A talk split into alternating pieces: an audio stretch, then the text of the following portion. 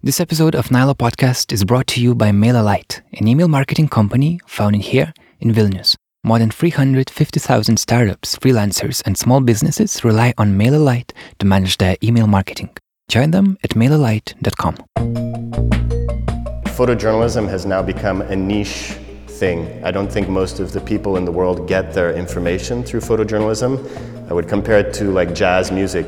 At one point, jazz was the most important music in the world and it changed society and culture. And now there's like a hardcore of jazz fans that go to festivals and buy records, but it doesn't move our entire society.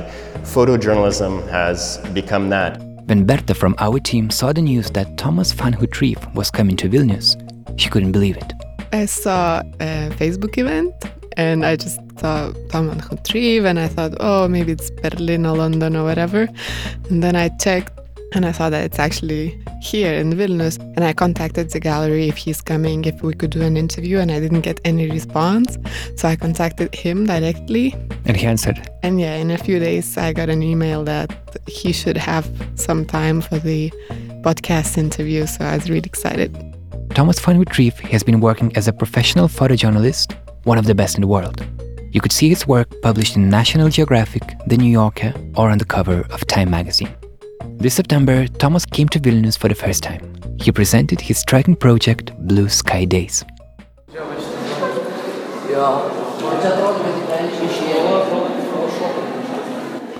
It is estimated that since 2004, several thousand people have been killed by US drone strikes, but there is almost no visual records of it there is no drone war photography.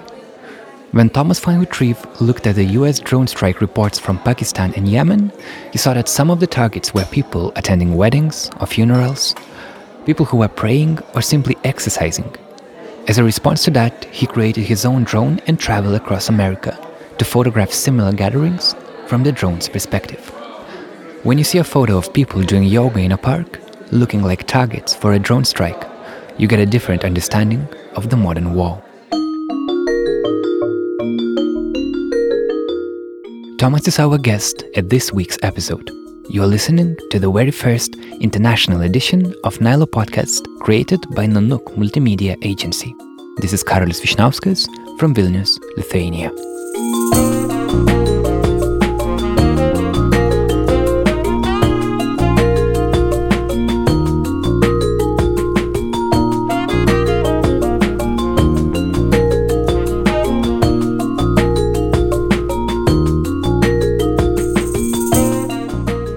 Like about Tom's photos and what our listeners should know about him before listening to the interview? I think the most important thing is not the photos themselves, actually, is the complexity of everything. Berta Tilmantaitė is a photojournalist herself. She has photographed in such diverse places as Ecuador, Kenya, and Siberia.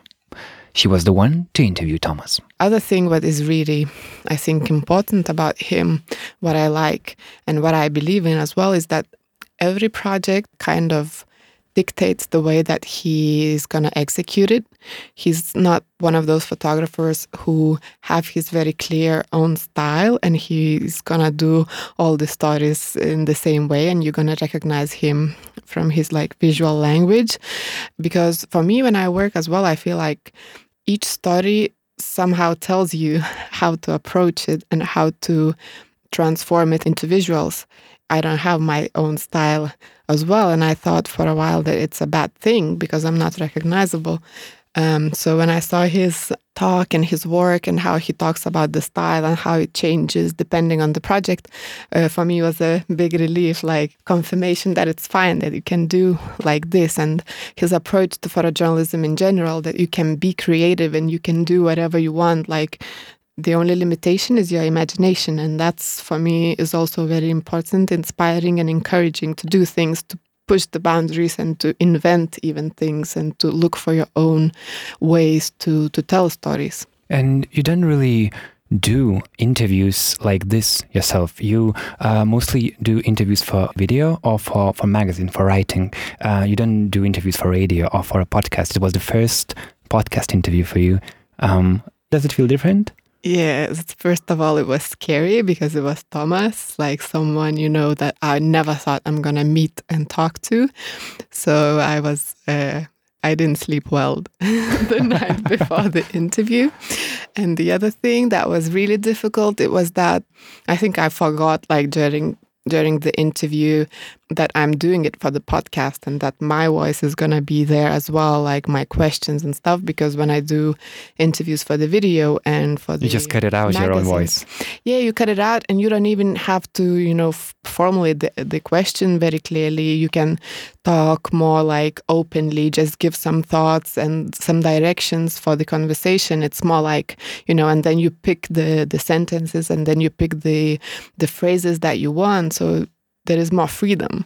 So when you do the podcast interview and when it's all the questions and the answers, uh, both things are the part of it, it's a bit more complicated. So I had to remind myself the thing is like, I don't like to talk over the person that I'm talking with. So when he starts to talk, I have to cut and maybe shouldn't be like this in the podcast, but I just have this um, this way of uh, doing interviews. So I I was in between. what should I do and how should I do it? The Blue Sky Days exhibition in Vartai Gallery in Vilnius is open until October 15. And here is Thomas van Houtryve, interviewed by Berta Tilmantaitė. I've been interested in in conflict and different kinds of warfare for a long time in my career, but the tendency in warfare is that it's it's more and more abstract and more and more invisible. It's getting very difficult to photograph. So if you look at the tradition of war photography, uh, the war photographer could accompany the soldiers and get pictures of the battle and then share it with the rest of the world. But since the Cold War, uh, there's not hot battles. It's a lot of it's happening with satellites or missile bases and things like that. And this is continuing and even accelerating with the information age where we have cyber war and drone warfare and things like that. And I felt like, uh, in the particular case of drone war, after the attacks on September 11th, the drones slowly became the favorite weapon of the United States. Um, it was the one, the key weapon for eliminating terrorists, or at least that's what politicians said but there didn't seem to be a visual record of the drone war. And I thought, that's strange. Usually, when the US military does something, the press goes along with it, and there's some photographic record of what's happening. How could it be in this conflict when there's more cameras on Earth than ever before? The key weapon, the key method used for fighting what they call the war on terror, doesn't have a public visual record. And so I was thinking about it and trying to figure out a way how could I photograph this, and I thought through some more straightforward ways to do this. Maybe I could go and interview and photograph portraits of drone victims, uh, different ideas. And then I was on an assignment for National Geographic in Peru, and they wanted an aerial picture of a mine, and it was too, fly to, too, too high to fly a helicopter. And so we talked about different things. In the end, we ended up using a hot air balloon. But one of the things we talked about was a drone at that point, they weren't really commercially available, but the engineers at National Geographic had sort of built their own drone. And uh, when I saw it, I said, okay, I could use this for the project that I would like to do about drone warfare. So that's where the two ideas came together. And so the idea in the back of my mind has been, at least since maybe 2011, uh, as far as taking photos, it started in 2013. And in the video, in the uh, after the you, you've got the Infinity Awards, you said that what struck you, or the idea for the project, was that you heard this boy saying that the the technology, the drones, changed his relationship with the sky. Did this project change your relationship with the sky somehow? Definitely. I mean, so I was already doing the project when I heard the quote from that boy, and I changed the title uh, based on, on hearing uh, his testimony, basically, you know, this idea that a, that a kid doesn't love the blue sky anymore is, is very profound and scary, basically. All kids look outside and they love when they can play outside in a blue sky. So the fact that that had changed resonated with me a lot. Uh, yeah, it has changed my relationship with the sky. I never had a sense of suspicion if I was to walk around in Pakistan or Israel or Yemen or other areas where I know drones are deployed, I would just assume now that my movements are being watched and that super, certain kinds of movements could be interpreted in a suspicious way. You know, already uh, people who go into war zones for journalism, they're already hanging out with uh, sometimes what's considered the enemy. They're going to strange places. They're calling strange people. So they have a lot of suspicious behavior that I could easily see myself being targeted for this kind of thing. And then also, uh, during the, the course of this process, I thought that this drone activity was just happening mainly abroad in conflict zones. And the more research I did, I realized that uh, different kinds of law enforcement and police groups were using this inside democratic countries as it became available. And so, uh, if you go to a protest in the United States, like a Black Lives Matter protest, or if you go to presidential inauguration, probably you're under aerial surveillance during that time. So, how, because you had to do a lot of research about that, and I assume that a lot of it is very disturbing, the, the, the things that you find and you see. How did it impact you? Uh, I mean, no, it, it, doesn't, it doesn't cheer you up. On, on the other hand, uh, I think knowledge can dispel some irrational fear to know more about it. You can also know what the weak points of it are, where it's going. You can talk about it in a way that's intelligent instead of just wondering, basically. But on the other hand, I know now that there's a big gap between what politicians have said about drone technology and what's actually happening on the ground. There's this sort of idea that, that people who uh, use the drone say that it's almost like a magical weapon, that it can kill specifically the enemy without doing collateral damage. And if this was true, this would be a huge advance in the history of warfare, that if you could only kill people that are guilty and never kill civilians, uh, this would be a big deal. But the facts on the ground don't seem to line up with what they're saying. So, from the drone image that is kind of only for the drone operator to see, you print them on the paper and put in the gallery. Why is it important? Uh, the average person has heard about drones, but they don't know what they themselves would look like from a drone's eye point of view, especially a military drone. And, and it's actually quite shocking. You look much different than you do on the ground and there's some distortion and there's some loss of information in that process. So just to turn yourself around and imagine you on uh, at the bottom of the drone's eye view helps people imagine how militaries are looking at other people around the world. So that's the first step is to put yourself in the shoes of somebody that's a victim of drone surveillance or, or drone targeting. After that, I hope that uh, the photos sort of become a window into finding out more about this subject. If people are intrigued by the photos, maybe they'll want to learn more and inform themselves about it. It's not many people want to sit down and read a 10-page paper on drone warfare, but if they see the photograph and a lot of questions are raised, maybe they'll, they'll look more into it than they would be naturally inclined to. Yeah, so you use your photography and your projects kind of a disclosure, even like an education to teach people to to tell them what's going on. Do they accept it? Most of the time that I present this to the public, the first reaction people say is, oh my, I didn't know that this was happening. I had no idea. And, and they are happy to know that, it, maybe not happy to know it's happening, but the idea of discovery that they found something out that they didn't know about is usually a positive thing. I mean, uh, there's a dark side to it. Some we there's a lot of bad news out there in the world right now. But but most of the time when I pre- present this to the public, uh, people feel like, wow, you've lifted the veil on something that's happening that I didn't know about, and that's that's a reassuring feeling and gives me you know energy to continue. Mm-hmm. So your work is like pure documentary, but yet it's also very conceptual, metaphoric. How differently, if differently, it is accepted in different areas in the art galleries and in the field of photojournalism. It's strange that this project has found like a, a pretty good place in, uh, in both of those spheres.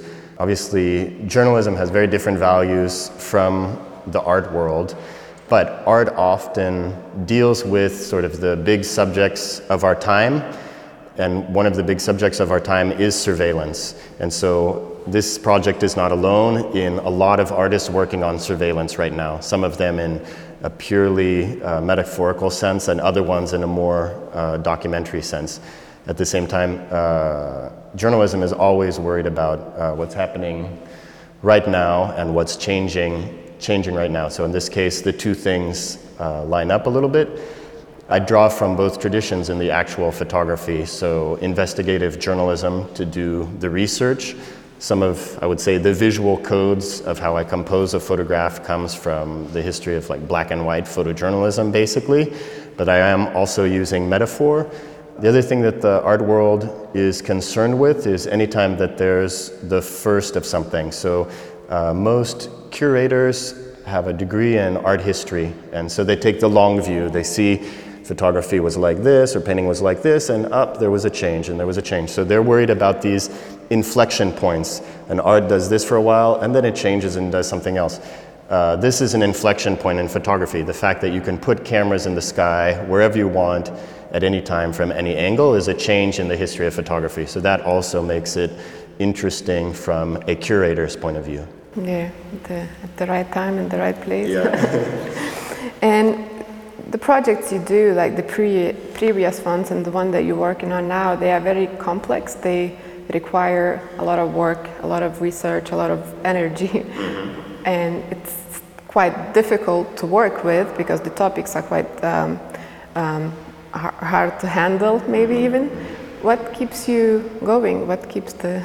I don't know. It's something internal. Uh, I mean, the more complex the issue is that I want to cover, the more obsessive I get and the more energy I put into it. So I'm not even really attracted to issues that have an easy answer. It's really the things that I look at and I can't form an opinion about it, or I don't understand what's going on, or something's missing in my understanding the world, of the world. Those are the things that I tend to dive into, and I'm just not satisfied until I feel like I'm getting some some answers out of it, or I'm getting some understanding. So it's uh, I don't know what some internal obsession I have, basically. You, you, wanted to study, you wanted to be a philosopher, so it seems that you're continuing this with your work. Yeah, it's linked. I'm, I didn't know if I wanted to be a philosopher, but I certainly was interested in the questions that are posed by philosophy. You know, why is there so much injustice in the world? How do we understand the world we live in? What, what are we here for? You know,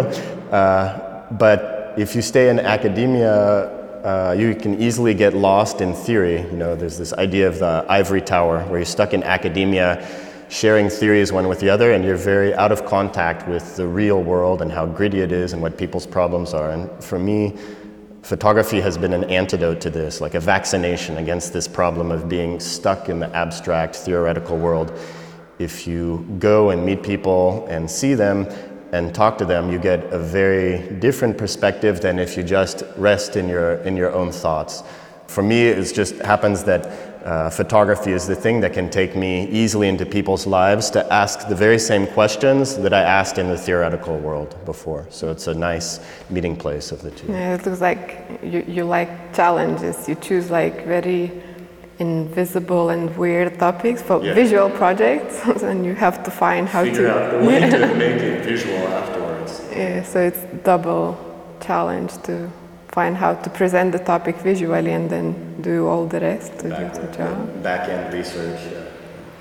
Yeah. Um, you do criticize a lot in, in general with mm-hmm. your projects. Do you get criticized for criticizing? Uh, if I was, it, it, wouldn't bother me. I'm not really concerned what other people have to say about me, actually. So that's that's probably a good quality for a photographer to have. Uh, if you have a thin skin and you're reacting to the public all the time, it's hard. Be, uh, but in my case, once I've done my research and I know my topic quite well, at a certain point I get confidence in it and I have a certain amount of trust in myself, and so I'm ready to defend the project. Once I'm ready to take it into the world, I'm ready to argument and defend the project, basically. Um, the thing is, most of the world, especially if we're talking about drones here, most of the forces in the world are like cheerleaders for this new technology because people who sell drones can make money selling drones.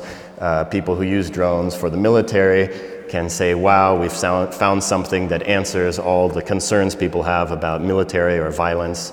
Uh, but there's not that many people out there being critical of these things. And so I think there's space for somebody like me to say, hold on, okay, you're making money off it, and this technology makes your job easier, but let's look at the weak points here before we all start cheerleading this idea and go down the path. Hold on, uh, what does this mean for humanity? What does it mean? What kind of world are we creating uh, if we follow the, this to the end of its logic? Didn't you get any, like, for example, you know, in the United States, I guess it's like really controversial topic, the, this, the Blue Sky project. Um, the military says we're killing the bad guys, and you say, no, hold on, it's not true. And you like showing that there might be mistakes and errors, and it's not working perfectly. You didn't get any no, I didn't get any major pressure back, but I think the people that are selling this idea that it's a magical weapon that doesn't ever harm civilians, I think they know that it's false. But because the whole project is shrouded in secrecy and because there isn't easy access to everything that's going on, they know they can get away with that lie for a while. I mean, uh, part of warfare is, is, uh, is also manipulation of information. And uh, that counts for trying to trick the enemy in a certain way, but also sometimes trying to trick the citizens of your own country so that you can get away with the activity for longer. So uh, often, often they know they're not being completely honest with the public. Just a reminder that Nyla Podcast is presented by MailerLite, an email marketing company founded here in Vilnius. More than 350,000 startups, freelancers, and small businesses rely on MailerLite to send their newsletters and manage their email marketing. If you want to join them, visit mailerlite.com. Drones are a topic that has been occupying Thomas van Houtryve's mind for the last five years, but we didn't want to spend the whole interview talking only about it. Thomas had a lot to say about empathy, social media, and the role of photojournalism these days. In fact, all of these topics are connected in his newest project. You have said, this is the quote, human activity becomes increasingly absurd and dangerous when it loses empathy. Mm-hmm. How to, if it's possible at all, at all, to raise, to nurture empathy in the society? Starting point is, of course, uh, education I think storytelling is very important. If you, if you talk to kids, kids don't understand data. You know, we're in this age of collecting data and everybody wants data. But if you speak to a, a, child and you try to teach them something, usually the only way they'll remember it is if you tell it through a story or a song. Otherwise, they'll forget it. Uh, so, building empathy is with these very, very old tools that have existed since the beginning of humanity song and storytelling, basically. I think those are the best way to our, our human emotions. Uh, photography, I think, is also very powerful because uh, I think the sense of sight is, is perhaps our, our strongest one, and so we can make very quick visual connections.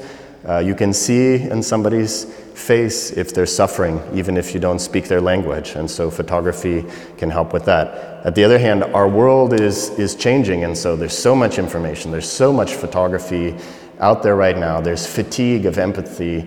Uh, it's, so it's a different challenge than in the old days of we only hear a few stories in our lifetime to now being bombarded with stories. It's a whole different challenge now. Do you think that you, as a journalist, and us in general, as a community of journalists, can make a change and can influence changes? We can, but there's a lot of uh, forces that are really problematic for, for uh, journalism right now.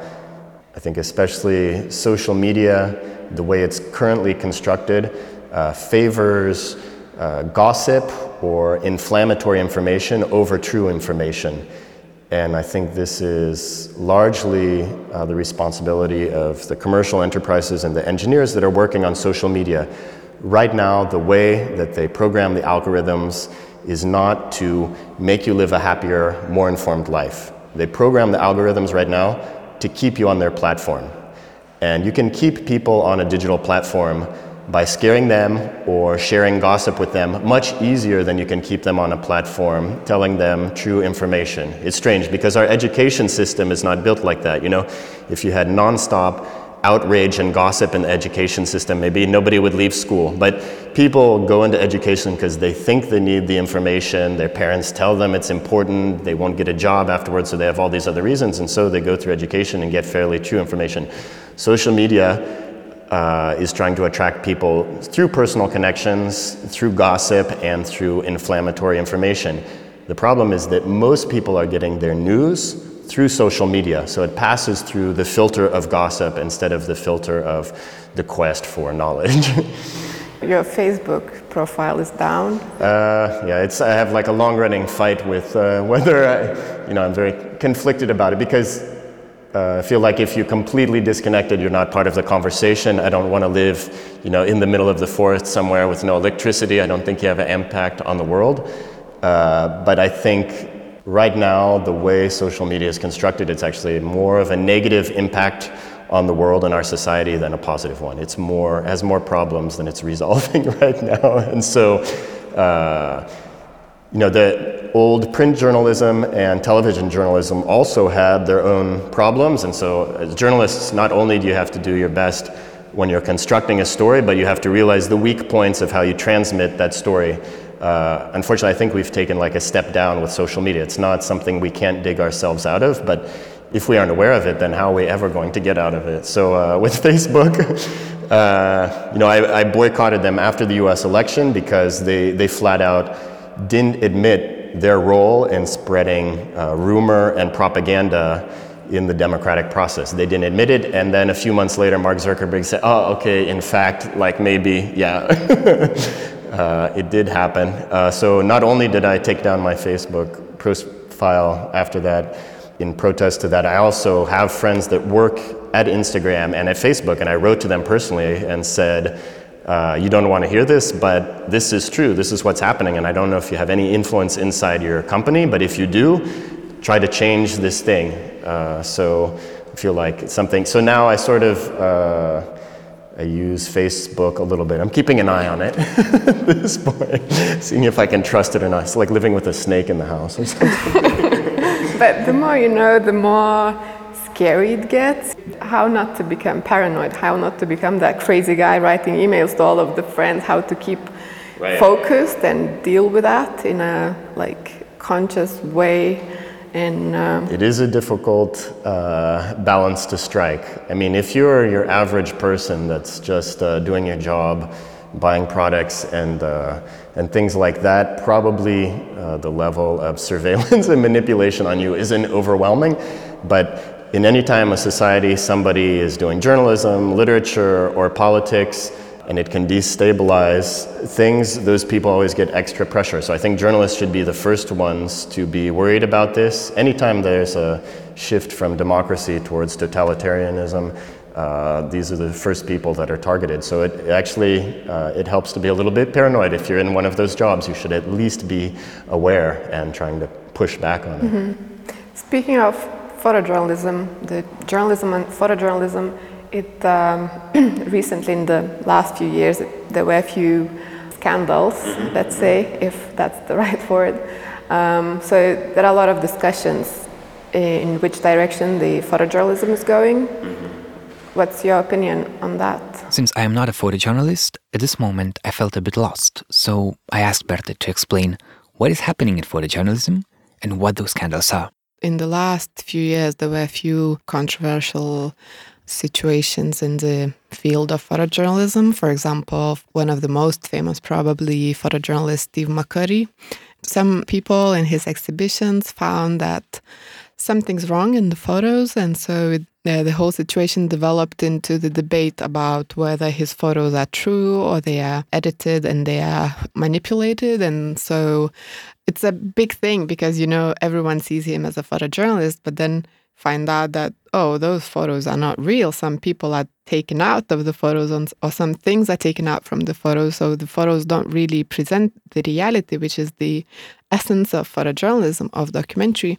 And then he, the photographer himself, Steve McCurry, didn't didn't give any explanation for a long time. And then after he said, "Oh, this was my assistant who did the bad thing in the in the lab," or then he said that he doesn't really think about himself as a photojournalist. He's more visual artist, and then as an artist, you can do more things, and you can, you know, just do whatever you want. So it was a bit of a confusion in the community. So what's going on, and what what should we do with it? The other thing that I would mention is the World Press Photo Contest, which is the contest for photojournalism. Every year, they have to disqualify a huge amount of photos. It goes from 16 to 25 even percent of photographs that have to be disqualified because they are not ethically uh, suitable for the contest, which is ridiculously a huge number, huge Yeah. amount of photos. And it seems that the photographers themselves they think that everything is okay with their photos since they are sending them to the contest. they either think that it's okay or they don't understand what they're doing or they expect that no one will find out. And it's a huge problem because the World Press Photo Contest is the contest for photojournalism, for documentary photography, for the reality around us, you know. And if one fifth of the photographers treat their work as it's something fictional, if it's not reality, if it's like as a material with which you can do anything you want, it's a huge problem. And it opens the door to very unclear future because we don't know what's, what's going to be. Wow, this is very interesting. Let's hear what Thomas has to say about that. Uh, this is sad to say because the beginning of my career and the bulk of my career was like purely in photojournalism, trusting it as a way to communicate to the world. I think photojournalism has now become a niche thing. I don't think most of the people in the world get their information through photojournalism. I would compare it to like jazz music. At one point, jazz was the most important music in the world and it changed society and culture. And now there's like a hardcore of jazz fans that go to festivals and buy records, but it doesn't move our entire society. Photojournalism has become that. Uh, we are mostly informed by television and social media now. We're not mostly informed by, especially magazine style photojournalism. Uh, so uh, some of the scandals are real scandals about the credibility of photojournalism and how it's practiced, but they're missing the big picture that the real scandal is that people are being informed by gossip or sensationalism on a broad scale. It's not that they're the broad case, it's rare that somebody is tricked by immoral, unethical photojournalism.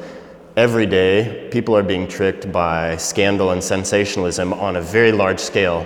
And like tweaking the ethics or really enforcing hard the ethics of photojournalism is good, but it doesn't change that broader problem that's going on. I'm more worried about that the mass of society is being misinformed, not by an ep- ethical lapse of a, a bad photojournalist, but more like systemic problems. Um, so I, I, feel like the debate is on a very like detailed thing, whereas the debate in photojournalism should be on, on the big picture at this point. There's something even deeply more wrong on a big scale. Uh, can photojournalism recover and become something uh, that people believe in or that many people uh, use to inform themselves? I, I, don't know. I don't know if that's the case or if it's like jazz that it's just on the path of of diminishing returns, basically. So it's uh, it's a tricky thing. You know, I, I uh, you know I I put my hopes in photojournalism, and I see that it's increasingly a niche activity. It's not uh, something that's it's not mass communication anymore. Even it's communication mostly towards other photojournalists and fans of photojournalism rather than the the general public. But you still see yourself in the field of photojournalism, or are you thinking about moving away to somewhere else? Um, I mean, like operating in the art space here is one way to break out of a very narrow field of distribution of photojournalism. I don't have the perfect solution. As I said, I have distrust in social media, so I don't think this is the best path forward until they resolve some of the issues ingrained in social media.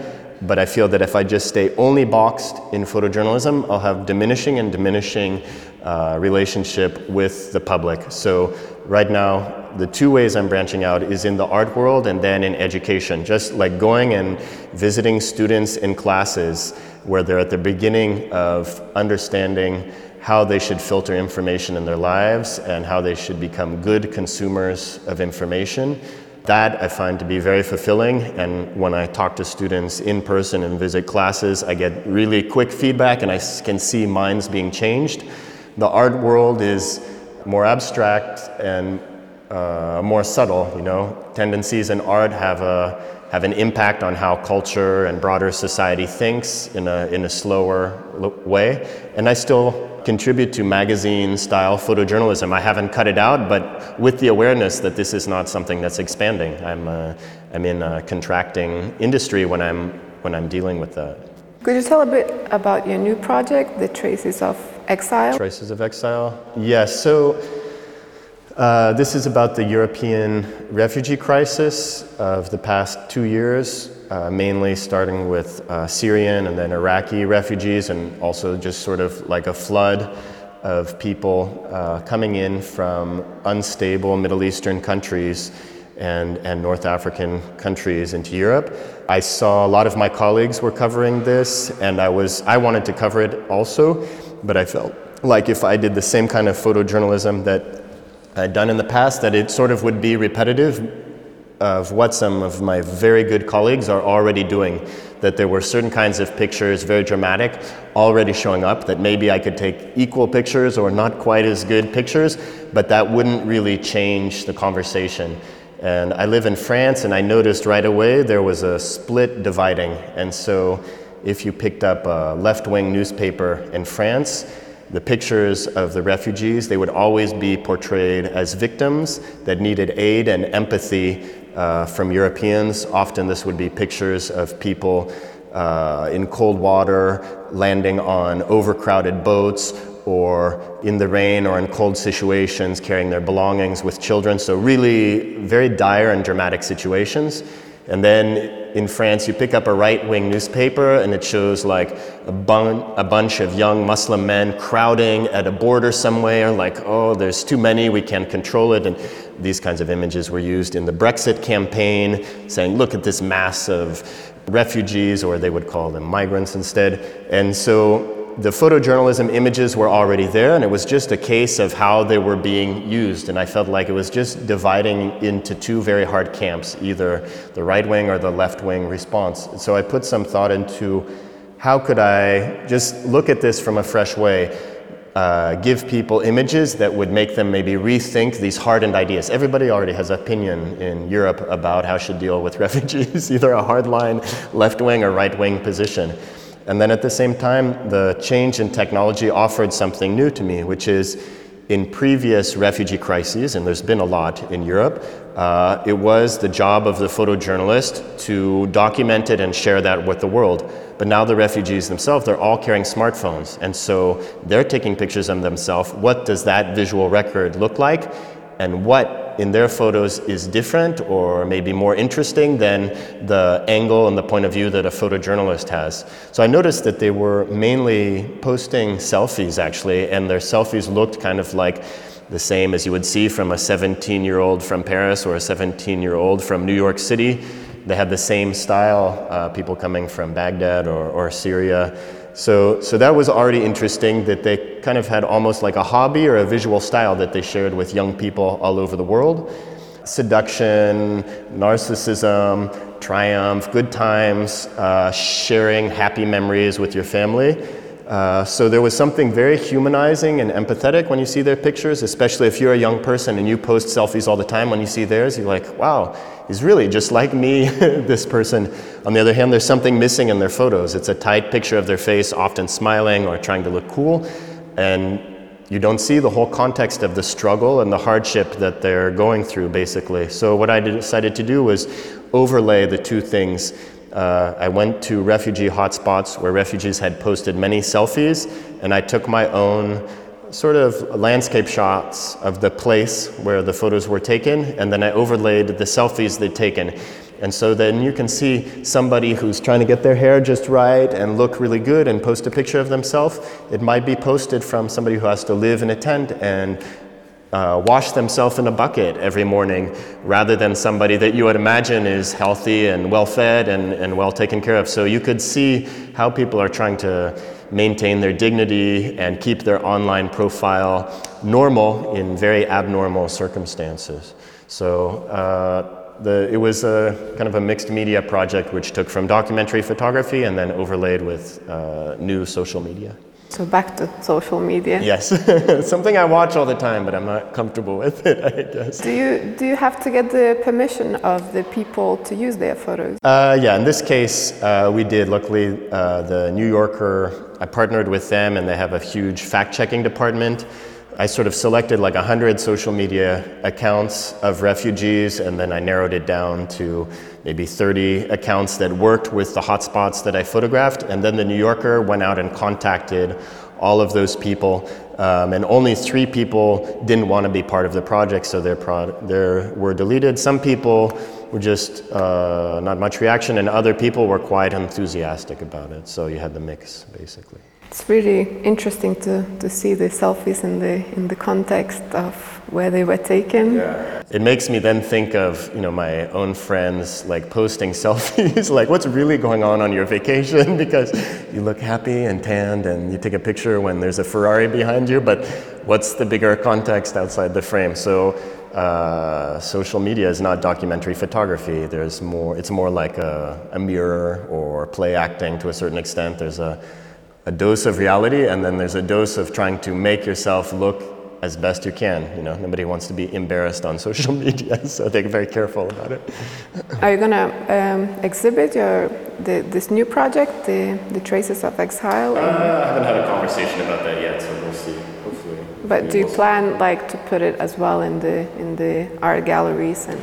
Yeah, uh, probably. Uh, so it's funny, I haven't even exhibited it anywhere in Europe yet. So far, it's been exhibited in the United States and in the Middle East, in Jordan. Uh, but it's about the European refugee crisis. so, so, uh, so it would be logical to do that because this issue is not dead either. It's something that's uh, still on people's minds. So, uh, but it's it's partially my own fault in the sense that like I get interested in new projects now. I'm working on something else, and so I can't focus my energy on on uh, producing work and distributing work all at the same time. So. I need like a whole team or something to help me. But you do everything on your own. Yeah, for the most part. Yeah, yeah. I mean, uh, for certain projects, I'll hire assistants and things like that. But uh, at the end of the day, it's on me. yeah. So thank you very much. Thank you, thank you. Thanks for taking the time and effort. I really appreciate it. And good luck with your projects. They sound fascinating. Blue Sky Days, the exhibition by Thomas van Houtryve, is open in Vartai Gallery in Vilnius, Lithuania, until October 13. And you can see all of Thomas' photography on his website, thomasvh.com.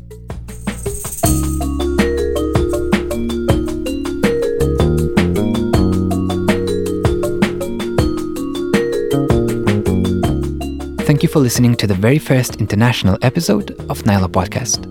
We'll have more of them in the nearest future. And we'll also publish the interview with Thomas in Lithuanian media. We'll keep you updated on where you can read it. You can find all our episodes at nyla.lt or on your phone's podcast app. Just type Nyla. Thanks to our newest Patreon supporters, Dovilė Raustytė Cestulevich, Evelina Gar, Gal Davis, and Lamis Benushis. Our Patreon page is patreon.com Nanook Multimedia. Your support keeps us going. Thank you for that. Nyla Podcast is created by Nanook Multimedia Agency and hosted by me, Karolis Vishnauskas. Our music composer and sound editor is Martinas Gailus from Soda Sounds.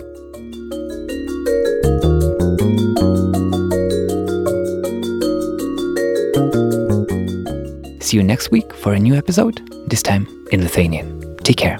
Bye bye.